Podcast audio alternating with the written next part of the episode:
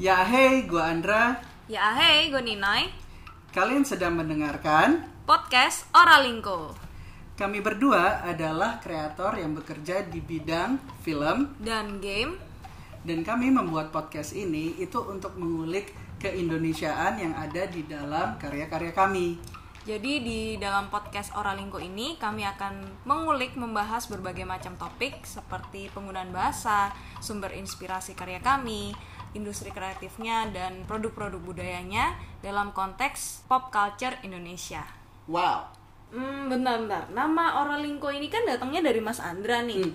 Apa sih artinya Oralingko ini? Ini apa bahasa Jawa? Oralingko. Ora tidak. Tidak Oh. lingko. Ora, ora, ora. Ora. Ora, ora. Ora. Bukan, bukan itu.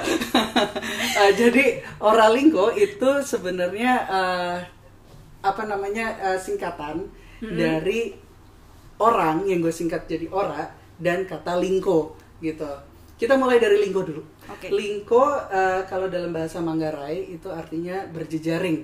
Gue suka banget kayak eh, arti jejaring ini gitu. Soalnya kalau kita jalan-jalan ke ke arah eh, ke Labuan Bajo terus masuk ke dalam pedalamannya gitu, kita bisa kadang eh, kita bukan kadang-kadang lagi kita pasti ngelihat ada sawah-sawah yang seperti jaring-jaring laba-laba. Oh. Namanya sawah lodok itu gitu. Lodok. Jadi eh, apa namanya konsep eh, persatuan, jaringan, keluarga di sana tuh sangat kuat gitu. Ya, ya. Cuman sebenarnya gue tuh tergugah eh, deng- eh, memakai kata lingko karena gue ngeliat nama sistem transportasi Jakarta. Oh, yang Jaklingko. Yoi Oke. gitu. Dan gue seneng banget sih apa namanya eh, Pemda kita memakai kata Jaklingko ya. Soalnya biasanya kalau bikin nama baru untuk produk baru gitu itu pastinya kebanyakan akan menyerap bahasa asing. Betul, betul. ya kan jadi mungkin ada pilihan kayak oh ini Jack Network atau Jack Net atau Jack Transport gitu tapi bagusnya mereka malah memakai bahasa daerah untuk nama eh, nama jejaring ini Ya. gitu Karena emang untuk sa- maksudnya sekarang lebih banyak kita menemui serapan dari bahasa asing ketimbang bahasa daerah dan ini bagus banget. Jadi kita juga kenal eh, kata dari daerah lain dan di daerah ini pun eh, kata kata-kata yang yang kita serap ini juga jadi milik kita bersama gitu. Gak Iya. cuman dari Manggarai doang. benar dan ya itu apa namanya lingko adalah jejaring sementara sementara Ora, kalau ora, oranya sendiri ora kalau di eh, bahasa orang komodo sana Hmm. ora sama dengan komodo Oh, dan kenapa? Bukan orang ya? bukan orang gua kira awalnya orang gitu. Oh. jadi sebenarnya ini gue kayak ngeles sih sebenarnya. Tadi gue sebelum kita rekaman gue gua double check dulu gitu. Ah ternyata gue salah bukan orang. Tapi itu ternyata komodo, Komodo. tapi hubungannya apa dengan oralingko? Eh, hubungannya ini hubungan komodo dengan manusia di sana di pulau komodo itu sangat erat sekali Hmm, gitu. jadi gue membayangkan podcast oralingko ini itu keeratannya itu seperti manusia dengan komodo yang sangat erat gitu. Yang yang berjejaring, yang berlingko. dan yang berlingko gitu. Makanya kita pilih nama oralingko karena konteksnya itu adalah kita ingin eh, mengajak teman-teman nanti ke depannya itu untuk eh, ya saling berjaring saling ngobrol-ngobrol berbagi keresahan dan semangat dalam berkarya begitu berlingko-lingko ya kita. berlingko-lingko bersama ora-ora eng-eng orang-orang dan juga kalau ada ora beneran di sini nggak ini sih Agak serem sih. serem, Serem. tapi keren segmen berikutnya harus udah ada komodo di sini kita Yeay. kita bawa ora ke sini kita bawa ora ke sini supaya lingkonya lebih mantap amin Amin. Gokil. Ha-ha.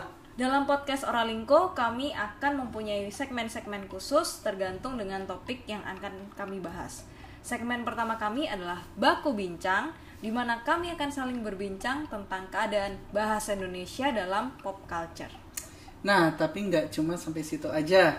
Kita juga sebenarnya pengen ngupil, yaitu ngulik film, khususnya film-film Indonesia.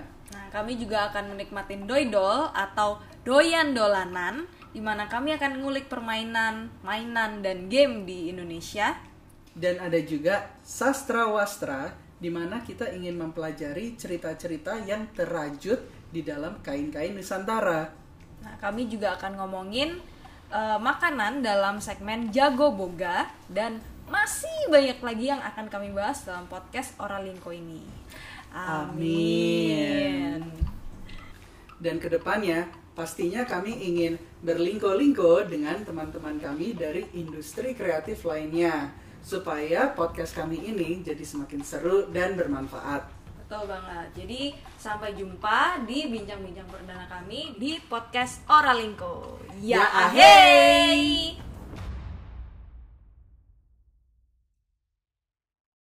Noy, menurut lo penggunaan bahasa Indonesia yang keren gitu dalam pop culture kita itu seperti apa?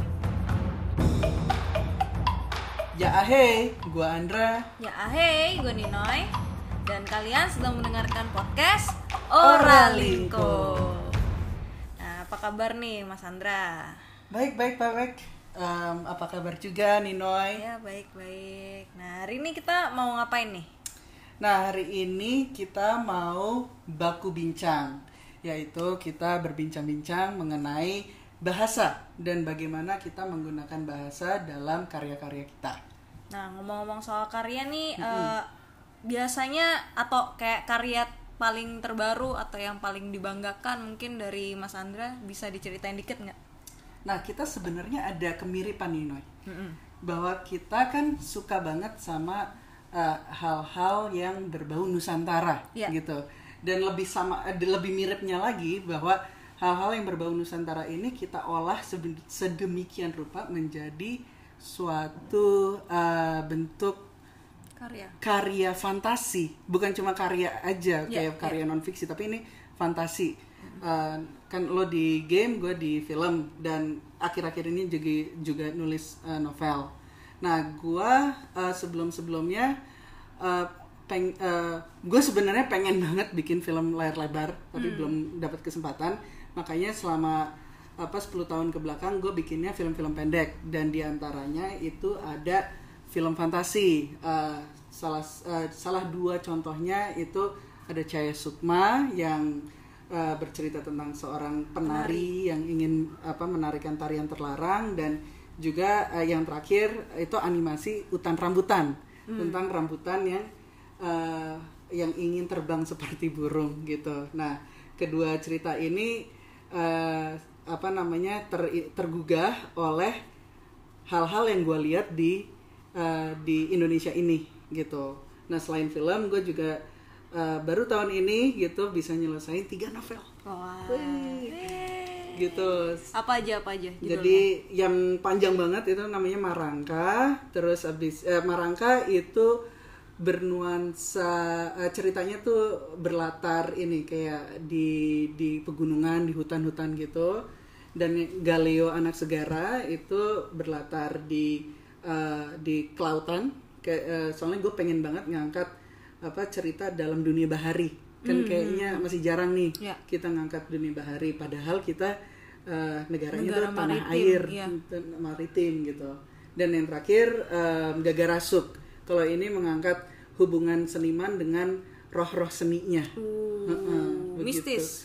ya se- eh, semua semua cerita eh, yang gue buat ini tuh sangat kental dengan eh, suasana mistisnya Hmm, karena Indonesia juga kental dengan suasana mistis itu gitu Tapi bukan kuntilanak ya yang jelas ya. Oh enggak, apa gua enggak atau belum masuk ke ranah horor. Jadi fantasi Oke. yang gua olah itu sifatnya fantasi Magis, yang magis. gitu. Ya, ya, ya. Ya, eh, kalau kita lihat dari karya eh, luar mungkin rasanya kayak nonton eh, cerita-cerita Ghibli Ah iya iya. gitu. Atau misalnya Pixar itu ada Brave gitu. Brave, heeh. Kan magisnya atau mistisnya Ngeblend sama apa namanya? dunia nyata lah. Ya, begitu. Jadi ada yang ada yang kayak escapismnya, ada sense yang ini real, Heeh. tapi juga ada magisnya, jadi nggak Iya. real. Apa tapi ada sense, oh ini kayaknya bisa terjadi di dunia nyata. Nah itu itu sih soalnya eh,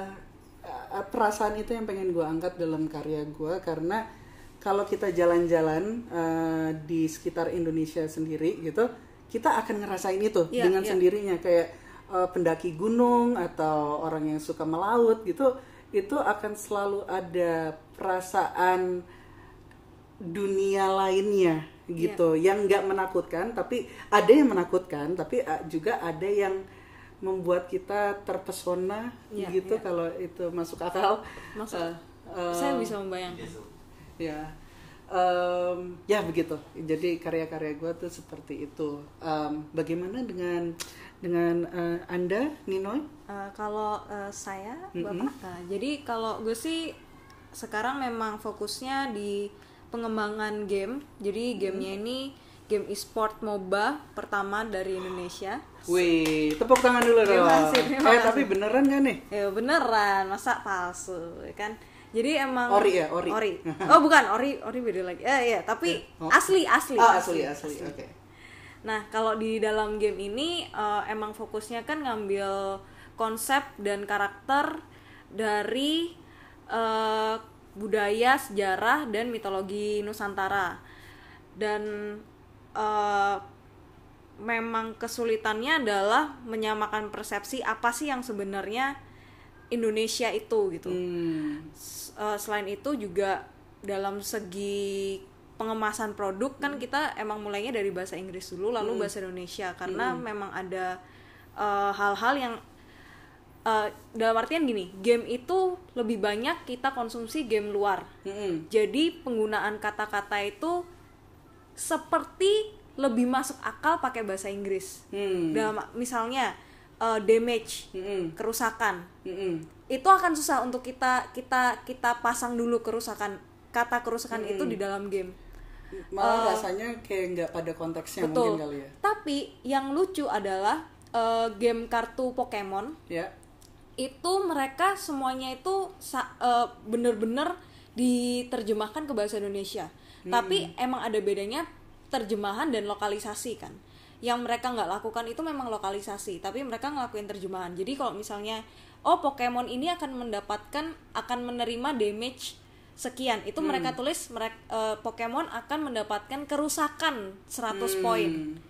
tapi yang yang jadi yang jadi eh, pemikiran gue adalah mereka juga bodoh amat Ya. aneh nggak aneh itu bahasa Indonesia pakai bahasa Indonesianya di situ Tapi itu jadi ag- eh, itu mengingatkan gue pada terjemahannya komik-komik zaman dulu. Iya, Atau iya. bahkan sampai sekarang pun juga. novel pun juga demikian Iya, dan ah, jadi ada nostalgianya gitu loh.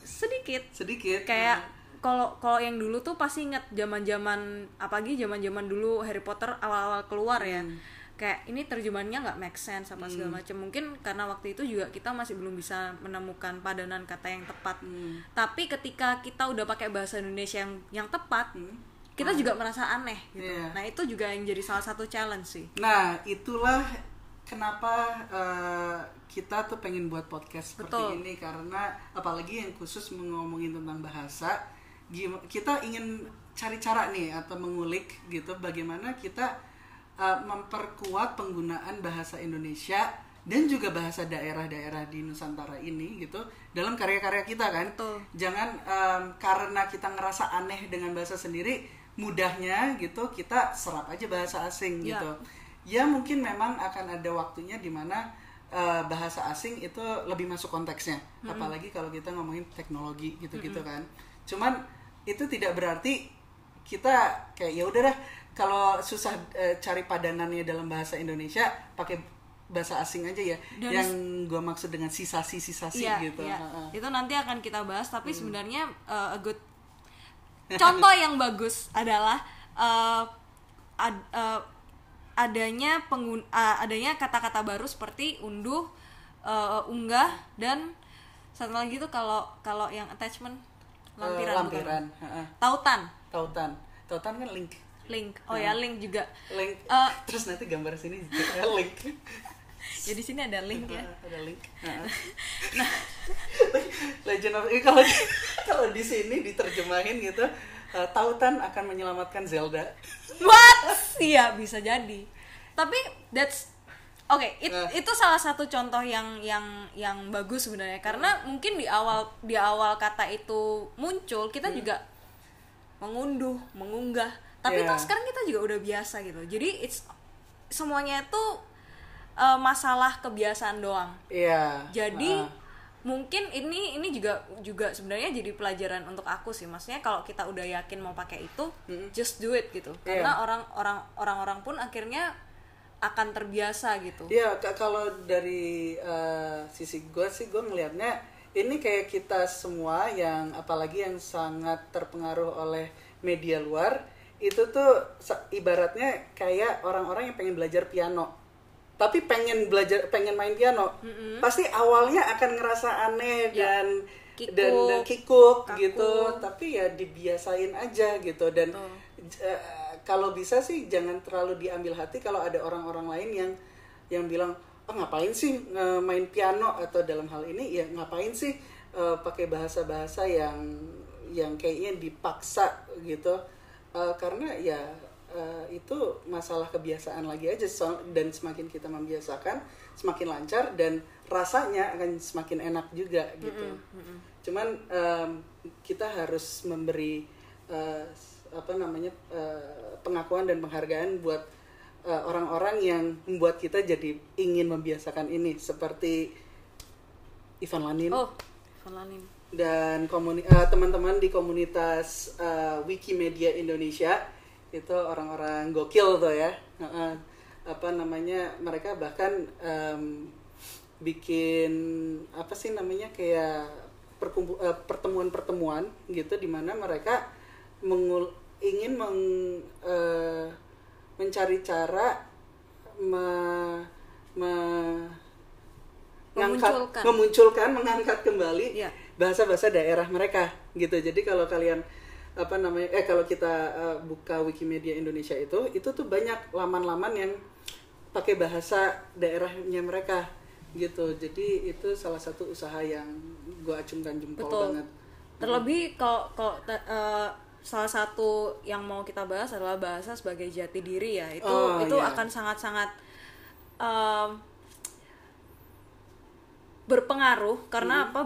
Memang bahasa itu jati diri bukan cuman karena oh ya bahasa Indonesia bahasanya Indonesia. Hmm. tapi eh, lebih ke bahasa itu juga mencerminkan kita sebagai bangsa eh, gaya hidup apa yang value atau nilai-nilai yang kita percaya eh, kebiasaan eh, terus apa ya kayak banyak hal yang yang yang bisa tercermin dari bahasa itu. Seperti kayak contohnya yang contoh beras dan rice. Ah oke. Iya itu gimana maksudnya? Itu jadi misalnya gini kalau kita tanaman beras itu kan kita sebutnya padi. Mm-mm. mungkin kalau di kalau kalau di bahasa Inggris sekarang juga bilangnya paddy paddy P A D D Y. Padi itu dari padi kah? Iya itu itu serapan sebenarnya. Sebenarnya banyak banyak juga bahasa asing yang menyerap kata-kata misalnya kayaknya ada beberapa bahasa Thailand atau Filipin yang akhirnya diserap jadi bahasa Inggris. Yang gue tahu amok kayak rusuh gitu itu dari amok kan? Amuk Ha-ha, amok. Iya, mengamuk gitu. mengamuk. kalau orang Inggris kan amocking nggak ada yang amok aja sih. Itu nah terus eh, sama kayak peribahasa kita juga kayak misalnya sekali mendayung dua tiga pulau terlampaui. Heeh. karena kita maritim kan? Ya. Kita eh, bangsa maritim. Sedangkan kalau di Inggris misalnya itu mereka bilangnya kill killing two birds with one stone. Hmm. karena mereka punya kebiasaan untuk untuk eh, berburu atau eh, kayak apa ya kontes Hmm. kontes eh, mukul bukan mukulin tapi membunuh burung itu. Pakai pakai batu. Emang ada ada eh, kebiasaan itu di situ. Kok kasar ya? Eh, lumayan. Kalau kita lebih Wallace yang kita lebih Suka Wallace. apa? Nah, itu menggambarkan juga tuh. Kita tuh orangnya begitu ya bukan bukan kekerasan da- dengan binatang Oke, agak WWF. agak agak nikung eh nikung apa agak agak belok dikit. Memang kalau kita belajar cie sejarah sejarah pelayaran di maritim Indonesia, gitu akan ada eh, orang Makassar, Iya. kerajaan Makassar yang menerapkan eh, politik laut bebas. Mm-mm. Terus sementara Portugis itu masuk terus nggak laut nggak boleh bebas laut harus kita atur sedemikian rupa supaya semuanya ngikut peraturan mereka gitu jadi ya orang Eropa tuh terlalu ini ya terlalu mengekang mengatur memang penjajah Ya, ya santai-santai orang Portugis kayak kalian oke kok. Heeh. saya suka bossa nova loh Heeh. saya suka eh, eh, Eh, eh, apa yang dari Portugis? Oh, eh, celana ya, celana, me- meja, meja itu kan serapan Portugis kalau nggak salah. oh ya Atau Pa- pa- Spanyol mungkin. Spanyol mungkin Hmm. ada beberapa kata serapan Spanyol yang kita pakai dan dipakai juga di daerah lain kayak payung Oh, payung itu payung itu di Filipina tuh juga payung bilangnya payung itu dari payung Spanyol. Eh, dari kita harus double check ini Oke. Oh, oh, oh, la- lagi ngomongin tentang serapan jadul ke sekarang. Eh, yang dari dulu udah ada. Pilsner. Kesukaan lo apa? Pilsner Pilsner. karena itu bir bukan Oh. bukan bukan kata serapan dulu Eh enggak, ya kata, Kata serapan, serapan- yang kita sama sekali nggak nyangka ternyata itu serapan dari Eropa kayak gitu. eh ada satu em, Mas Andra dulu mungkin sambil sambil Gue nanya lo dulu karena gue lagi mikir sebenarnya. Apa ya? Eh, eh, a- atau kawan-kawan di sini Pinter, pintar pintar dari bahasa Belanda. oh aslinya apa? Pinter. Pinter. oh Pasar, Oh. biasa. pasar, Pasar. pasar, Pasar. pasar itu bahasa Belanda juga, pasar. Bisa pasar tapi kayak setahu aku itu bahasa Arab bazar. Ah, Oh, jadi pasar itu dari bazar. Terus Oh, bahasa pinter. bahasa Oh, iya, iya, apa eh, eh, Jawanya pasar apa? Enggak ada, jadi emang dari pasar aja. Oh, ya oh, yang yang menarik tau nggak apa? Noy. Dulu dulu zaman dulu itu nggak ada kata musik. oh Jadi bagaimana orang zaman dulu itu meng, eh, apa me- mengacu pada main musik. Kalau nggak ada kata musik, yang disebutin apa? Yang mereka ucapkan apa? apa Nama alatnya. oh Heeh, jadi oh dia lagi main gamelan. Oh dia angklungan. Oh dia Oh. gitu. Jadi kata musiknya itu tuh eh, baru ada ya setelah setelah Eropa datang. Iya, iya, iya, iya. Gitu. Kalau ini aku baru baru kepikiran nih. Eh, kata tapi- serapan. Tapi eh, yang informasi barusan itu gue nggak yakin 100%. Cuman kayaknya 100% soalnya yang ngasih tahu ke gue tuh emang ahli musik gitu. Oh, oke, gitu. oke, Jadi oke. ya udah anyway. Iya. Anyway, kalau kata serapan yang yang yang aku nggak nyangka itu ternyata bahasa bahasa asing adalah pray Pray. dari Frey bahasa Belanda Frey Oh, F R I J Frey Frey. ngelosin aja gitu. Nah kalau di Surabaya, aku kan asal dari Surabaya. Mm-mm. Kalau tukang pari pray pray pray gitu, atau misalnya hari libur hari pray Ah. Hari kosong. sampai sampai belajar bahasa Belanda baru tahu kalau itu ternyata kata serapan dari bahasa Belanda. Ah, oke. Ya, Pray, ya, ya, pray, ya. potelot. Ya. Seberapa banyak bahasa serapan daerah yang sudah ada di dalam bahasa Indonesia? Kita bisa buka apa co- coba coba eh, masukin di ini deh. Tampilin di eh, layar. Di di mana nih? Mabasan titik Kemdikbud titik go titik id. Nah, itu di atas di di halaman 6 ya eh di halaman 5 itu ada tuh kayak dikasih lihat kayak jumlah kosakatanya ada berapa banyak dari bahasa Jawa, Minangkabau, Sunda, Madura, Bali, Aceh dan lain-lainnya yang sudah masuk ke dalam bahasa Indonesia. Nah ini sih yang menurut gua kayak perlu kita ya tanda kutip perjuangkan em, kalau dalam berkarya ya gitu karena eh, ya kembali ke ini em, kalau kita menulis suatu cerita atau sesuatu lah di dalam mungkin ya game gitu em, akan keren kalau misalnya kita menambah kosakatanya tuh dari bahasa-bahasa daerah gitu Em, daripada eh, ngambil yang eh, gampang dari bahasa asing. gitu. Kalau menurut Mas Andra, wa- eh, kenapa itu penting? Kenapa? Aku punya punya jawabanku sendiri, tapi pengen dengar nih dari Mas Andra. Kira-kira apa sih yang bikin bikin bikin itu penting untuk dimasukkan dalam karya? Ah, ujung-ujungnya itu tuh tentang jati diri sih. Hmm, Kalau menurut gue ya, karena kalau kita buka lagi, c, eh, Badan Bahasa titik Kemdikbud titik go titik id gitu, eh, bisa kita baca tuh kayak bahasa memang sebagai jati diri bangsa gitu. Em, apa namanya? Nah ini, mari kita baca.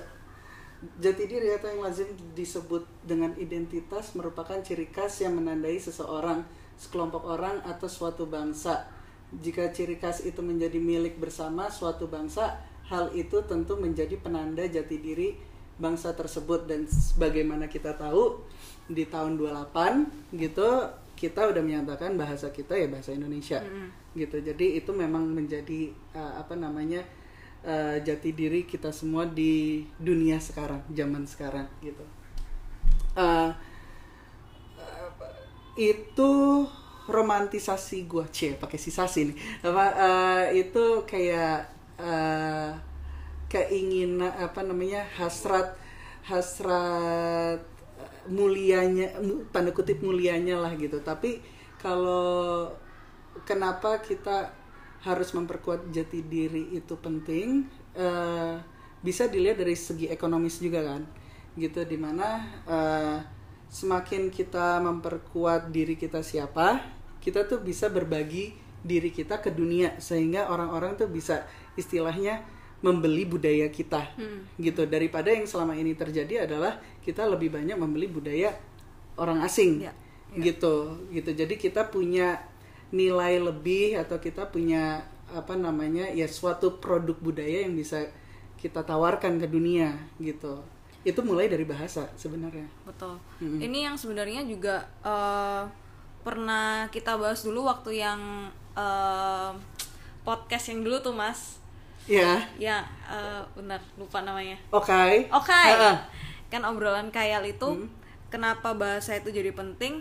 Karena eh, aku eh, aku rasa juga Mas Mas Andra bisa setuju kalau kita sebagai penulis fantasi, Mm-mm. kita berkayal Mm-mm. eh itu termasuk dalam pembentukan dunia kan. Jadi kalau ngobrolnya aja tuh nggak nggak ada pakemnya, Mm-mm. Kayalannya itu jadi nggak ada dasarnya atau kayak jadi gampang jatuh gitu. Dalam Hmm. artian kalau kita nulis something nulis sesuatu yang bertema fantasi atau apa tapi kita tidak menyesuaikan uh, kosakata, kita manggilnya sembarang itu akan apa ya? ceritanya tuh jadi lemah gitu loh. Hmm. Ini yang yang sebenarnya uh, coba contohnya kayak apa contohnya kayak misalnya untuk penulisan eh, karakter di game yang sedang di yang sedang gue develop ini. Hmm. gamenya namanya apa? Lokapala. Ah, oke. Lokapala guys. Jadi di dalam Lokapala ini memang nggak semuanya itu eh, ditulis dengan cara yang sama. Misal Ilya karakter Ilya itu karakter dari masa depan. Jadi gue nggak akan terlalu ribet soal eh, tata bahasa yang dipakai. Hmm. karena untuk kita sekarang tata bahasa itu sepraktikal mungkin, sefungsional mungkin. Tapi kalau kita ngomongin tentang karakter-karakter di zaman dulu misalnya karakter yang lebih fantasi, yang yang lebih eh, sejarah gitu kayak misalnya eh, Gayatri, Tarja atau misalnya eh, Saira yang creature-creature. Gue nggak akan nggak akan pakai eh, tata bahasa yang praktikal Hmm. tapi lebih ke puitis at- bukan bahkan bukan bukan puitis tapi cuman lebih ke gimana sih mengarrange me- meng- mengolah tata bahasanya itu supaya ini tuh bukan dari zaman sekarang. Eh, rasanya tuh seperti da- dari sesuatu yang dari zaman dulu. Yes. Gitu. Eh, alasannya tadi karena konteks itu. Karena konteks konteks karakter yang dibawa itu eh, nggak pas kalau misalnya gue pakai tata bahasa yang yang teratur dan praktikal Hmm. itu nggak akan nyambung dengan feel yang akan akan gue bawa ke karakter ini gitu Oke, oke. apakah di di karya-karyanya Mas Andra juga kayak gitu maksudnya eh, kalau kalau dulu aku lihat trailernya yang pohon penghujan Heeh. itu ada beberapa kata yang emang dibilang lazim tuh enggak tapi kalau kita akan mengungkap kita akan pakai kata itu that's not how we will say it gitu loh Hmm. Eh, contohnya kayak apa tuh? apa ya di awal-awal tuh eh, Oh, ada permainan kata permainan kata kayak cerah dan apa aku agak lupa sih Oh, ya karena di naskahnya juga itu ditulis untuk memainkan kata sih, gitu. Em, Oke, dalam karya-karya gue juga pemakaian bahasa itu banyak sekali pemikiran di baliknya ya. Sama se- eh, sebetulnya dengan Ninoy dan juga pastinya dengan banyak apa penulis-penulis eh, cerita fantasi di mana ada suatu pembagian bahasa berdasarkan zaman gitu. Kayak kalau misalnya latarnya itu kayak zaman dulu itu bahasanya mungkin akan lebih eh, tanda kutip puitis gitu tadi. Terus zaman sekarang eh, struktur bahasanya jadi sedikit lebih apa eh, longgar terus di zaman depan eh, di zaman masa depan gitu mungkin struktur bahasanya bisa lebih aneh lagi gitu. Um, ya itu itu pemikiran seperti itu tuh masuk ke ke ke ke ke otak gue sih saat nulis gitu. Dan kebetulan tiga novel yang gue baru buat ini it- eh enggak dua di antara tiganya itu eh latarnya agak agak zaman dulu meskipun sebenarnya nggak zaman dulu gitu jadi pe- pemakaian bahasanya itu cukup tanda kutip baku lah gitu Eh, nah ini juga sebenarnya eh, lucu menarik karena kalau fantasi Indonesia itu seperti apa kita kan belum ada pakem. Betul, gitu betul. dalam arti gini misalnya kita ngelihat fantasi klasik dari luar negeri contohnya yang dari barat gitu itu rata-rata bahkan sampai sekarang gitu itu pemakaian bahasanya rasanya masih medieval Eropa ya. gitu kan. Em, kalau misalnya fantasinya udah masuk ke zaman masa depan gitu eh, bahasanya tuh bahasa kayak seperti kita sekarang gitu. Nah Indonesia kita sebenarnya belum terlalu banyak terpapar dengan dulu bahasa Indonesia itu seperti apa sih kecuali ya eh, dari cerita-cerita apa silat atau kerajaan gitu jadi eh, at- atau mungkin itu ya mungkin fantasi Indonesia kalau yang latarnya zaman dulu rasanya jadi kayak cerita-cerita Damar Wulan terus Iya, eh, iya, apa iya. namanya ya Wiro Sableng yang zaman dulu Betul, gitu betul. gitu ya nggak tahu gue ngomong apa sih? Nggak nggak usah. Belum dikat dulu. Apa ya? Em, tapi lu gitu juga Noy. Dalam dalam lokapala itu eh i- Iya sebenarnya gue gue sebenarnya emang berusaha untuk membedakan itu karena Mm. eh, in a way maksudnya di di satu sisi eh, nggak ada cara lain untuk untuk untuk menjelaskan sebuah karakter dari ceritanya kan. Maksudnya moba moba itu bukan game yang berdasarkan cerita sebenarnya. Jadi mau ceritanya seperti apa itu nggak akan me- mengubah akhir dari gamenya. Hmm. Jadi eh mungkin itu juga ego ego gue sebagai penulis ya. Dalam artian gue nggak ada nggak ada kontribusi lain selain naruh cerita itu di situ. Mm-mm. jadi gimana caranya supaya cerita ini juga bisa menggambarkan karakter eh, karakteristik karakter itu gitu Hmm. kalau mau tadi nyambung soal soal eh, penggunaan eh, style eh, dalam dalam cerita cerita fantasi kita mungkin eh, sebenarnya gue setuju karena kalau cerita zaman dulu sesimpel kayak eh, si si Bobo Hmm. Oke mungkin mereka bukan yang fantasi yang kayak gimana. It- still a pop pop cultural thing gitu. Karena kan itu di lebih disimpelkan supaya anak-anak lebih gampang gampang baca. Tapi eh, atau buku-buku cerita zaman-zaman waktu aku masih kecil itu eh, bukan banyak bukan kata-katanya susah. Tapi memang ada beberapa perbedaan penggunaan apa kayak tata bahasa itu beda gitu.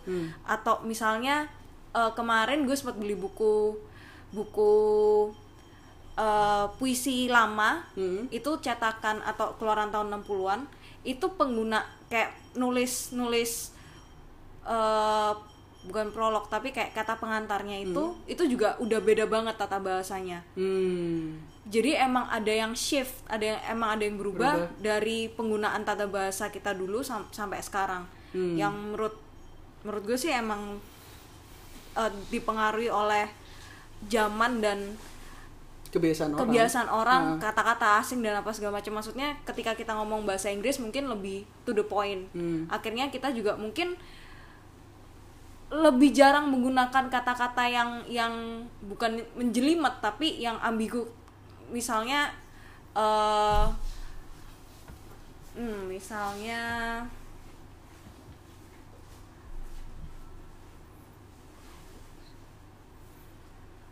susah nih nyari misalnya Oh atau gini deh. Eh, perjuangan eh, oh maksudnya kayak di bahasa Indonesia tuh kayaknya kepanjangan. Iya, Terus di bahasa Inggris itu eh, ternyata jadi lebih enak diucapinnya. Em, ya kayak simple, sederhana dan simple. iya. Kan mungkin kayak gitu Mungkin seperti itu. Jadi jadi oh bahasa Indonesia itu panjang, oh bahasa Indonesia itu eh, nggak nggak praktikal, bukan karena menurut menurut gue sih bukan karena bahasa Indonesianya nggak praktikal, tapi mungkin kita juga kehabisan cara, kehabisan kreativitas untuk menyimpelkan bahasa Indonesia. ya. I- iya. Karena itu terjadi sangat-sangat sering terjadi kayak misalnya do you want to continue? Mm-mm. di misalnya lagi belanja atau apa Ah. do you want to continue kita tinggal lebih gampang lanjutkan Mm, iya. Tapi Selesai gitu. jadinya kita malah terbiasa dengan bahasa Inggris itu. ya Ah. apakah kamu mau melanjutkan tapi kan sebenarnya nggak perlu seperti itu gitu Iya, ah, ah, ah. atau lanjutin tanda tanya gitu Iya. kan. Bagaimana kita menjaga diri supaya nggak terlalu terlalu banyak banyak kata-kata yang sebenarnya masih lumrah itu malah tergantikan sama sesuatu yang nggak perlu. Nah ini ini ini, ini uh, salah satu keresahan terbesar gua gitu. Soalnya uh, banyak sekali di media-media apa uh, Indonesia bukan media Indonesia tapi uh, media besar di Indonesia yang yang udah lebih suka memakai kata-kata serapan seperti invasi atau graduasi atau selebrasi. Padahal em, sisasi-sisasi ini tuh ma- masih ada padanan kata yang yang lumrah gitu. Kayak eh, apa namanya selebrasi perayaan invasi penjajahan atau menjajah gitu. Selebrasi gol Messi. Selebrasi gol Messi. Ya mungkin kalau itu permainan kata oke lah ya gitu, tapi gue jadi sering ngeliat kayak di di apa namanya em, di acara-acara kelulusan anak-anak gitu, anak-anak yang masih harus belajar tentang bahasa gitu, jadinya tuh graduasi gitu. Eh, ada kalau nggak salah gue dapat university kayak Ya. graduasi dari university itu ya ya betul kayak oh, gue tahu universitas itu tuh eh, kata serapan tapi nggak kenapa kita nggak bisa stop di universitas aja sih kenapa harus jadi university gitu kan Iya. Eh, ya sebenarnya dalam perkembangan bahasa siapa sih yang bisa menjaga ini gitu? Dan siapa yang kita kita tunjuk untuk menjaga eh, apa namanya perubahan-perubahan dan perkembangan bahasa ini gitu. Tapi menurut gue alangkah baiknya kita punya apa namanya usaha lebih besar untuk buka sedikit kayak apa namanya kamus kamus yang udah ada di internet Ya, gitu. ya. cari aja padanannya apa gitu daripada eh, apa dengan mudahnya ya udah universitas apa ya university atau kelulusan apa ya, ya graduasi gitu kayak Iya. itu Kalau kalau itu yang aku bilang sebenarnya sih. lazy writing sih mas. Oh iya. Lazy writing jadi eh, malas males Malesan. males males Hmm. nyari males nyari padanan ya walaupun mungkin bisa dijustifikasi dengan kebutuhan masing-masing ya Bisa misalnya dibenarkan. Iya, oh ya, bisa dibenarkan maksudnya yang yang membuat ini siapa pun itu sebenarnya Hmm. kalian bisa bisa mencari pembenaran nggak ada masalah cuman eh jangan sampai keterusan gitu karena sebenarnya kita udah punya kata-kata itu gitu Ah, gitu. kita udah punya kata kelulusan, kita udah punya kata perayaan, kita punya kata universitas, kampus sudah ada gitu. Kenapa harus pakai graduasi uni? Sebenarnya sama. Seben- eh, waktu itu ada anak magang di sini. eh, mereka nulis laporan dan gue harus ACC kan. Terus mereka nulis eh, mendesain game, mendesain, desain as in desain bahasa Inggris bukan mendesain Oh, atau oke. me, eh, me- apa ya mendesain itu Eh, mendesain itu apa sih mentata ya? Bukan Merancang. merancang merancang Merancang. game Heeh. Eh, terus gue tanya ini kenapa kalian nggak pakai mendesain oke itu Hmm. serapan but still maksudnya itu ada bahasa Indonesia nya kan ada Heeh. serapan bahasa Eh Indonesia tapi desain itu eh, u- udah dalam KBBI. maksudnya iya Coba deh. Tuh, oke. Satu, dua, tiga, empat, lima, enam, tujuh, mendesain sebelas. Ada ya? Desain, iya. Oke, itu kayak cuma 11 desain. 12 detik kita hanya ngecek sedikit ah, kita tahu gitu. Setidaknya udah ada di KBBI atau enggak gitu. Ya, Jadi gitu, maksudnya eh, setelah itu gue tanya kan, kenapa kalian nggak pakai desain atau rancang gitu kan? Terus bilang, oh nggak nggak nggak cocok gitu, feelnya nggak cocok karena desain itu eh, bahasa Inggris kan kak, nggak salah. Cuman ya again balik lagi ke kebiasaan memang. Iya, eh, rancang dan desain sama aja sih. Sama. Mau Cuman rasanya pun juga sama. Mungkin dengan dengan feel game design yang yang mungkin itu nggak Indonesia banget. Eh, jadi kayaknya nggak pas deh kalau kalau kalau gue pakai desain game. rancangan game desain Iya. oh desain tuh lebih cocok karena itu teknologi pak kayak uh, Oke. konteks Iya. konteks Ini sesuatu yang menurut gua masuk ke ranah eh, tergantung orangnya dan tergantung eh, kebiasaan masyarakatnya gimana sih ya. Perkembangan bahasa itu seja, sejalan dan sebanding lurus dengan perkembangan pengetahuan suatu masyarakat hmm gitu masyarakat yang eh, gemar menciptakan hal-hal baru mereka lah yang akan memberi nama dan memberi kata baru yang merujuk kepada ciptaan mereka Mm-mm. dan orang-orang yang memakai ciptaan itu mau nggak mau harus nyerap Ngikutin. ngikutin aja Iya. gitu jadi kalau orang Indonesia itu lebih sering men- menciptakan sesuatu mereka tuh bisa dengan seenak jidatnya ngasih nama atau ngasih kata istilah baru terhadap cipta ciptaan mereka gitu jadi sem- buat buat gue ya semakin banyak kita nyerap itu sebenarnya semakin semakin kita cuma ngikutin orang lain aja. Mm-mm. ya nggak sih? Betul. Eh, ya terima kasih sudah setuju sama saya. Saya senang sekali. Nggak soalnya eh, tapi juga ada bedanya. Mm-mm. eh, oke menciptakan atau in, eh, Ngembangin, menemukan hmm. ngembangin satu produk atau teknologi itu satu hal. Tapi me- untuk menggunakan terminologi tertentu itu kan juga pilihan mas Hmm, hmm, hmm. maksudnya itu juga tergantung kita kita mau mau ngikutin itu atau yaudah kita sebenarnya punya kata yang sebenarnya kita bisa pakai yang Hmm. kon- yang memiliki konteks yang sama seperti lingko misalnya Hmm, hmm, hmm. instead oke daripada daripada kita bilang Transjakarta atau Jakarta Net atau eh, Jakarta Transport. Hmm, pemerintah juga akhirnya milih Jaklingko. Hmm, hmm. kenapa? Itu itu satu hal ya kan? Tapi kenapa kita juga nggak bisa menerapkan ini gitu di di, Hmm. di tempat-tempat ya lain? itu pilihan benar. Eh, Nah.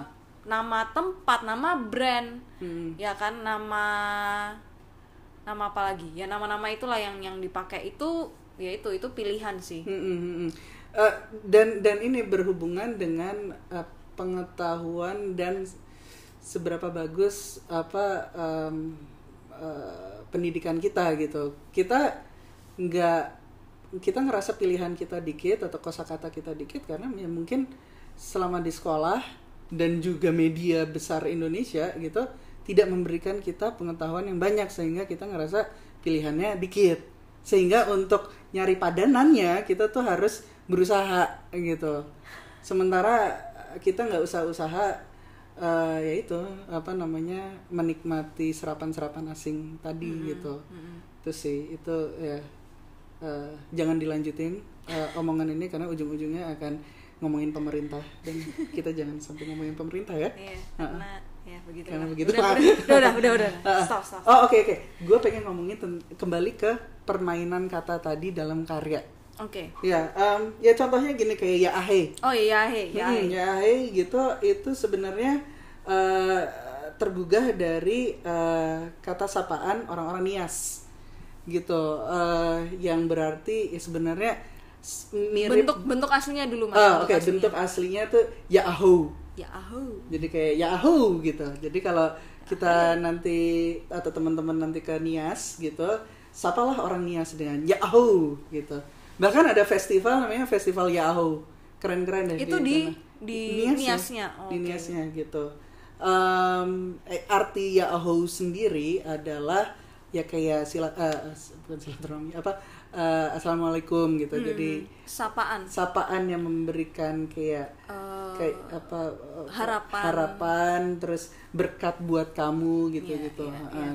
nah dari Yahoo ini eh aku menyerap menjadi Yaahei atau mengolah menjadi Yaahei karena eh, ini pun juga ngeliat dari kebiasaan orang-orang kita kalau lagi apa main-main di sungai atau di laut gitu nelayan-nelayan gitu mengarungi sesuatu yang yang yang menakutkan atau menantang gitu kan kadang-kadang suka berseru-seru tuh Iya, iya. berseru bersorak atau bahkan nyanyi-nyanyi supaya kita semangat, Semangat. gitu dan aku ngerasa ya ahe itu kayak punya punya semangat yang sama kayak ya hey Kayak gitu. terdengarnya sebenarnya kayak pirates gitu sih. ya bisa Kayak bajak laut. bajak laut apa namanya eh, sorakan lah ahei. Heeh.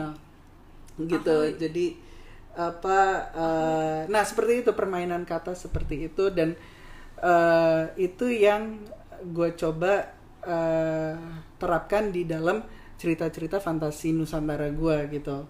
Nah em,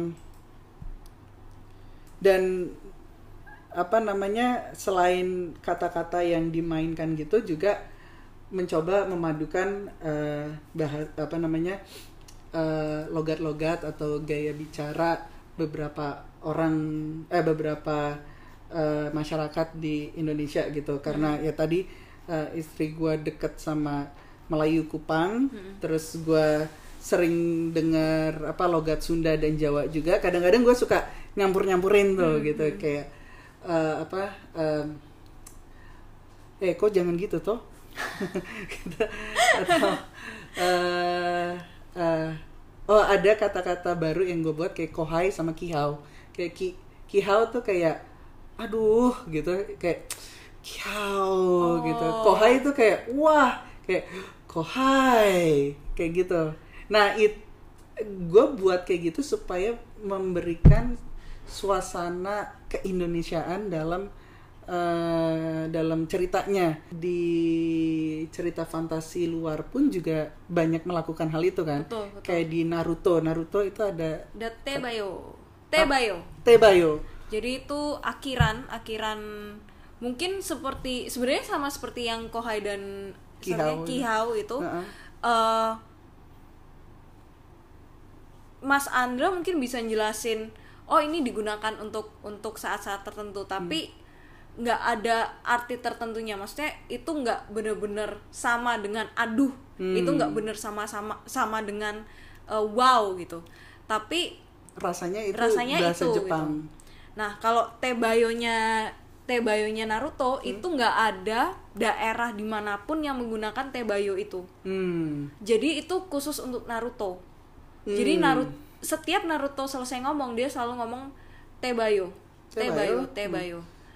Itu cuman buat nunjukin itu cara ngomongnya dia tapi itu nggak merepresentasikan eh, eh, dialek tertentu. mana gitu ya. Dan itu juga nggak berarti suatu kata tertentu. Jadi kayak misalnya aku ngomong ngo- em, ngomong biasa tapi aku akhiri dengan cu gitu. Hmm. Nggak gitu cu. Cunya ini nggak ada artinya Ya, ya, apa apa ya, tapi ya. aku pengen aku pengen nge-branding diriku sendiri dengan tiap- cu. Dengan cu itu misalnya. Ninoy si cu. Eh, sang cu Ninoy sam chan chan aja kok gitu Eh, Oke, iya, ya begitu. Em, ini eh, kata-kata seperti itu pun juga sebenarnya dalam bahasa Indonesia dan daerah pun juga eh, banyak ditemukan kan. Kayak Ninoy adalah orang setengah Makassar, Iya. gitu. Jadi seperempat mungkin ras perempat ya. Em, ada kan kayak mih, jih, Ya, gitu. Nah itu artinya apa? Eh, kadang itu ada art misalnya yang kalau ki itu biasanya eh, kependekan dari kita Ki, oke. makan ki Mm-mm. ayo ma- maksudnya ngajak makan tapi kamu kamu ayo kamu makan gitu Mm-mm.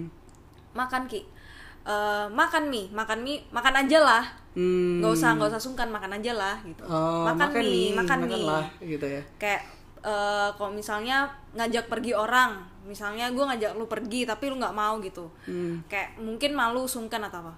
Pergi mi. Pergi pergi mi.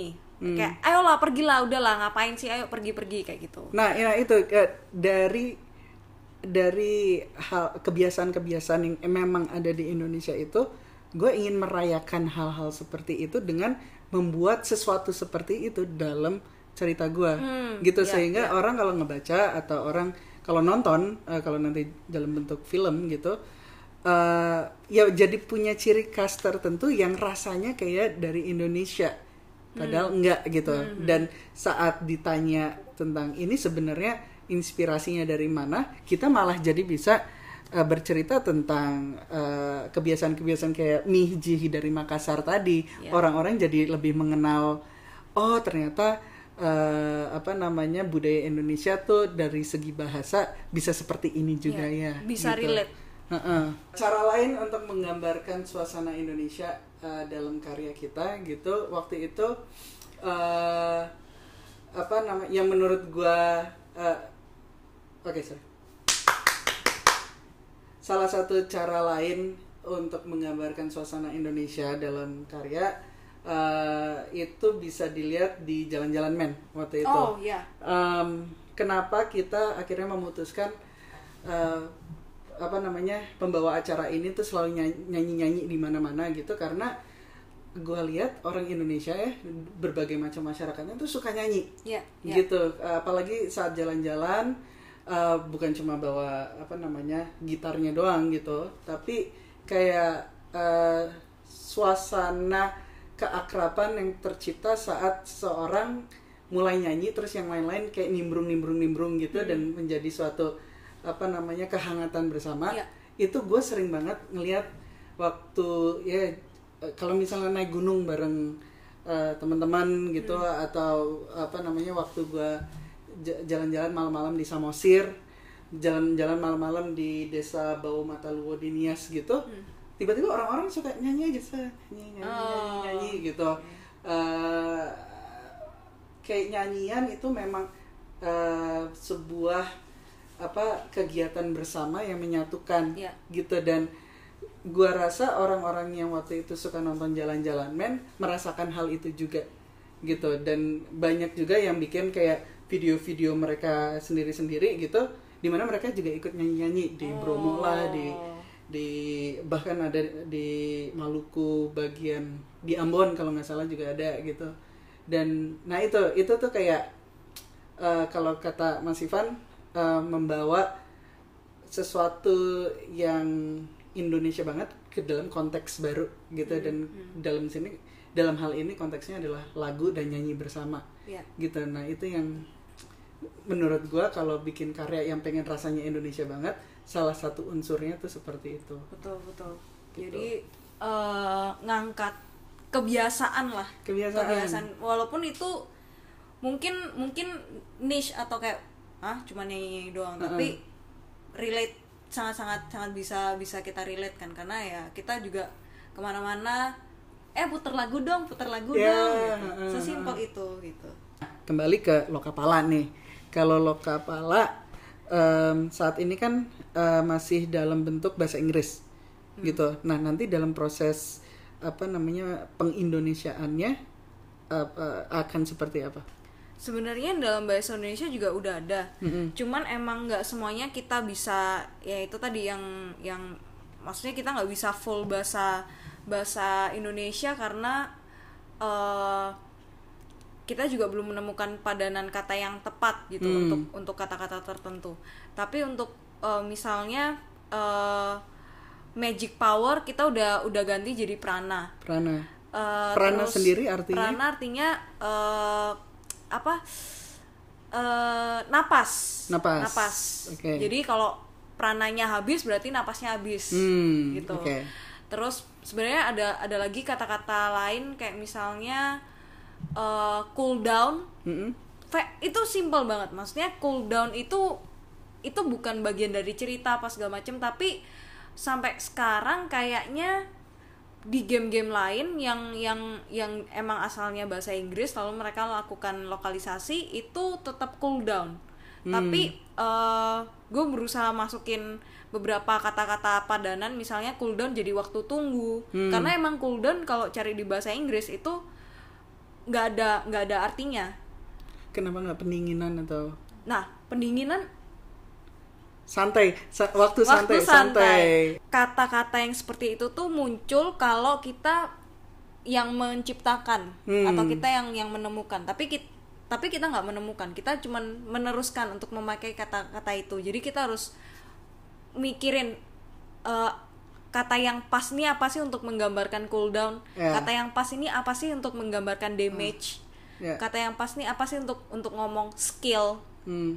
Tapi menurut gue eh, ini adalah hal yang seru untuk dilakukan sih. Betul, betul. Gitu. Ini seru banget karena Ah. apa? Eh, yang yang gue lakukan ini bukan translation. Hmm.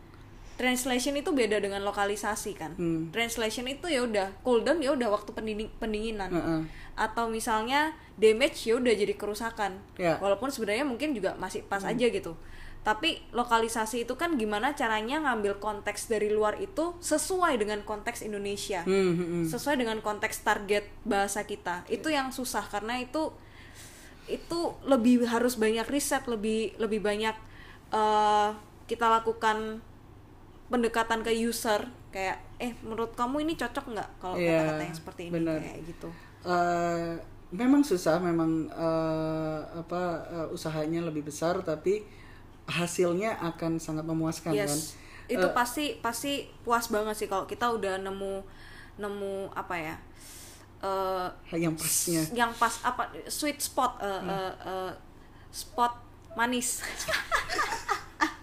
Noy, menurut lo penggunaan bahasa Indonesia yang keren gitu dalam pop culture kita itu seperti apa? Em, ada satu satu contoh tapi sebenarnya bukan bahasa Indonesia sih. Jadi ada satu eh, lagu yang mereka menggunakan eh, satu frase dalam babat tanah Jawi yang yang keluar di tahun kayak abad 18 17-an gitu. Eh, dan itu dimasukkan dalam lagu mereka dan sebenarnya itu lagu bahasa Inggris tapi terus ada bahasa Jawanya juga Di kayak chorusnya gitu Iya ya? kayak di chorusnya gitu, di bridge-nya atau something. Nama lagunya? Nama lagunya tuh Lati Mm-mm. oleh uh, Weird Genius. Terus uh, menurut menurut gue sih itu oke banget. Maksudnya um, ya itu mungkin nggak ada nggak ada karya yang sempurna tapi mereka sudah cukup berani untuk take that step untuk ngambil langkah itu untuk menggabungkan eh, apa yang udah ada apa yang udah existing ke dalam pop culture mereka gitu. Maksudnya dalam produk budaya pop. Hmm. Eh, karena lagunya tuh bener bu- maksudnya kalau kita ngomong oh tanah babat jawi mungkin lagunya yang gamelan mendayu-dayu apa segala macam. Ini enggak ini EDM Mm-mm. eh drop the beat lah apa segala macem hal-hal yang kayak gitu tuh ad- ada di da- di dalam lagu itu gitu loh Tapi em, bait yang diambil dari babat tanah Jawi ini eh, itu sesuai konteksnya. Nah, masalah sesuai konteksnya atau enggak, sebenarnya se- masih sesuai. Cuman Eh, untuk bahasa isinya apa? Apa yang yang eh, apa namanya bahasa Jawa yang diambil itu? kalau nggak apa? salah tuh pokoknya intinya tentang eh, kayak karma, tapi bukan karma sih. Iya, harus Oh. lat- lati itu kan ilat, ilat lidah. Hmm, hmm. Lidah. Jadi eh, apa yang kita omongin tuh harus dijaga gitu. Ya. nggak boleh sembarangan terus apa yang apa yang kita omong tuh bisa balik ke kita Terus kind of lirik bahasa Inggrisnya itu ngomongin apa? eh sih. ya masih cinta-cintaan sih emang Jadi- jadi kayak lebih tepatnya kayak mungkin eh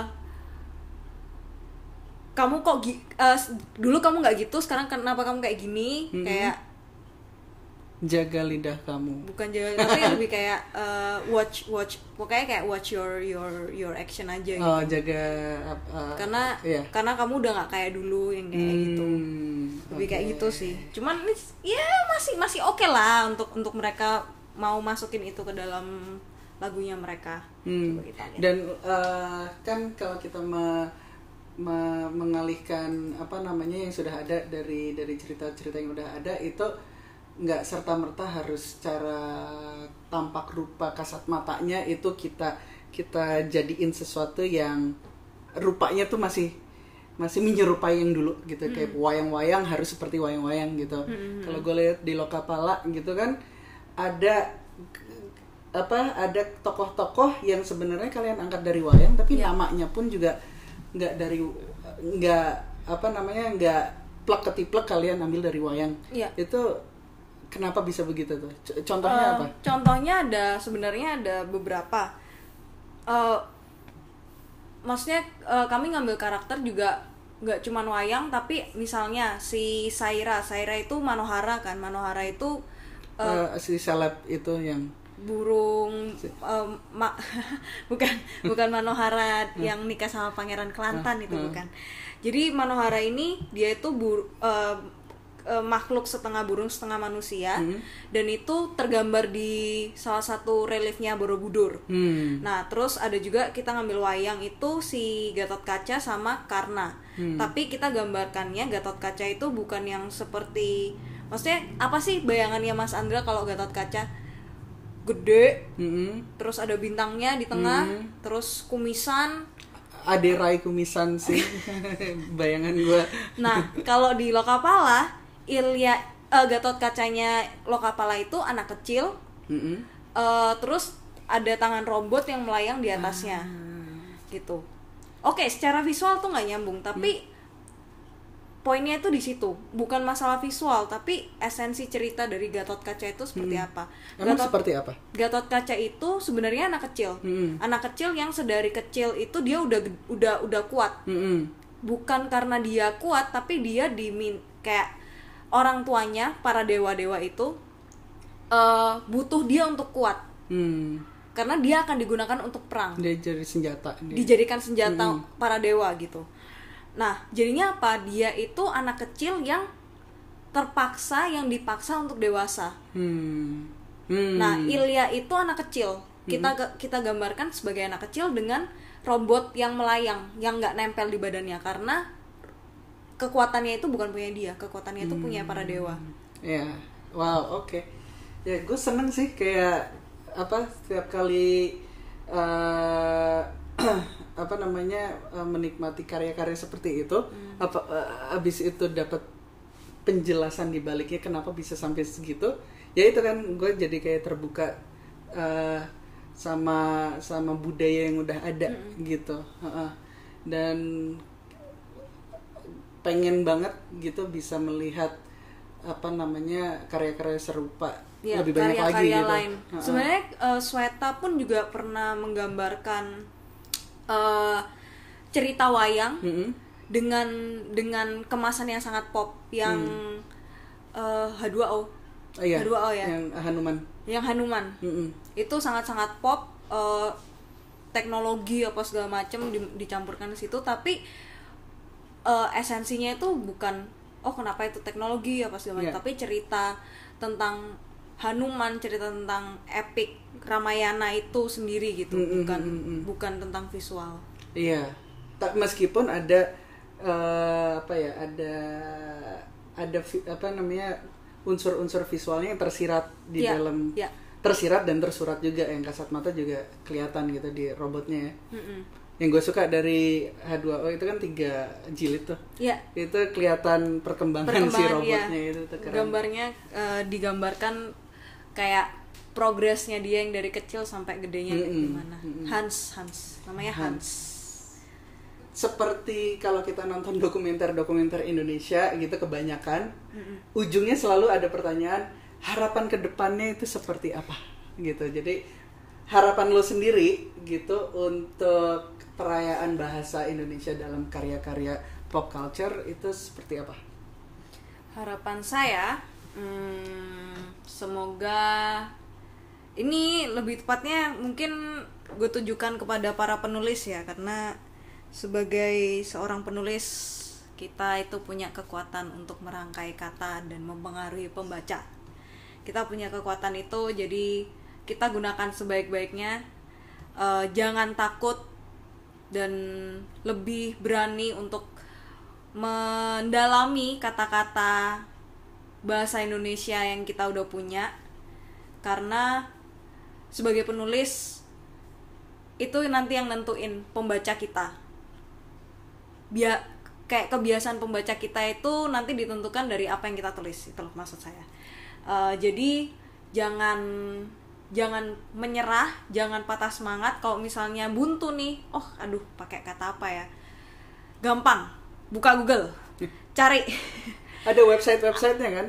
ada kalau kalau gue sih pakainya persamaan kata.com eh, rimakata.com Sinonimkata.com sinonimkata.com tapi eh, lebih seneng pakai persam tapi lebih seneng pakai persamaan kata sih soalnya mereka kayak ada jaringnya itu Oh, ada oke. lingko-lingkonya Ada lingko-lingkonya. terus Ah. bisa diklik per Iya, kata iya, iya. kayak oh, gitu oke.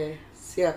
KBBI Dan sebenarnya dari Kemdikbud pun juga kalau kita apa namanya klik ke website mereka tuh ada tuh. Mm-mm. Heeh.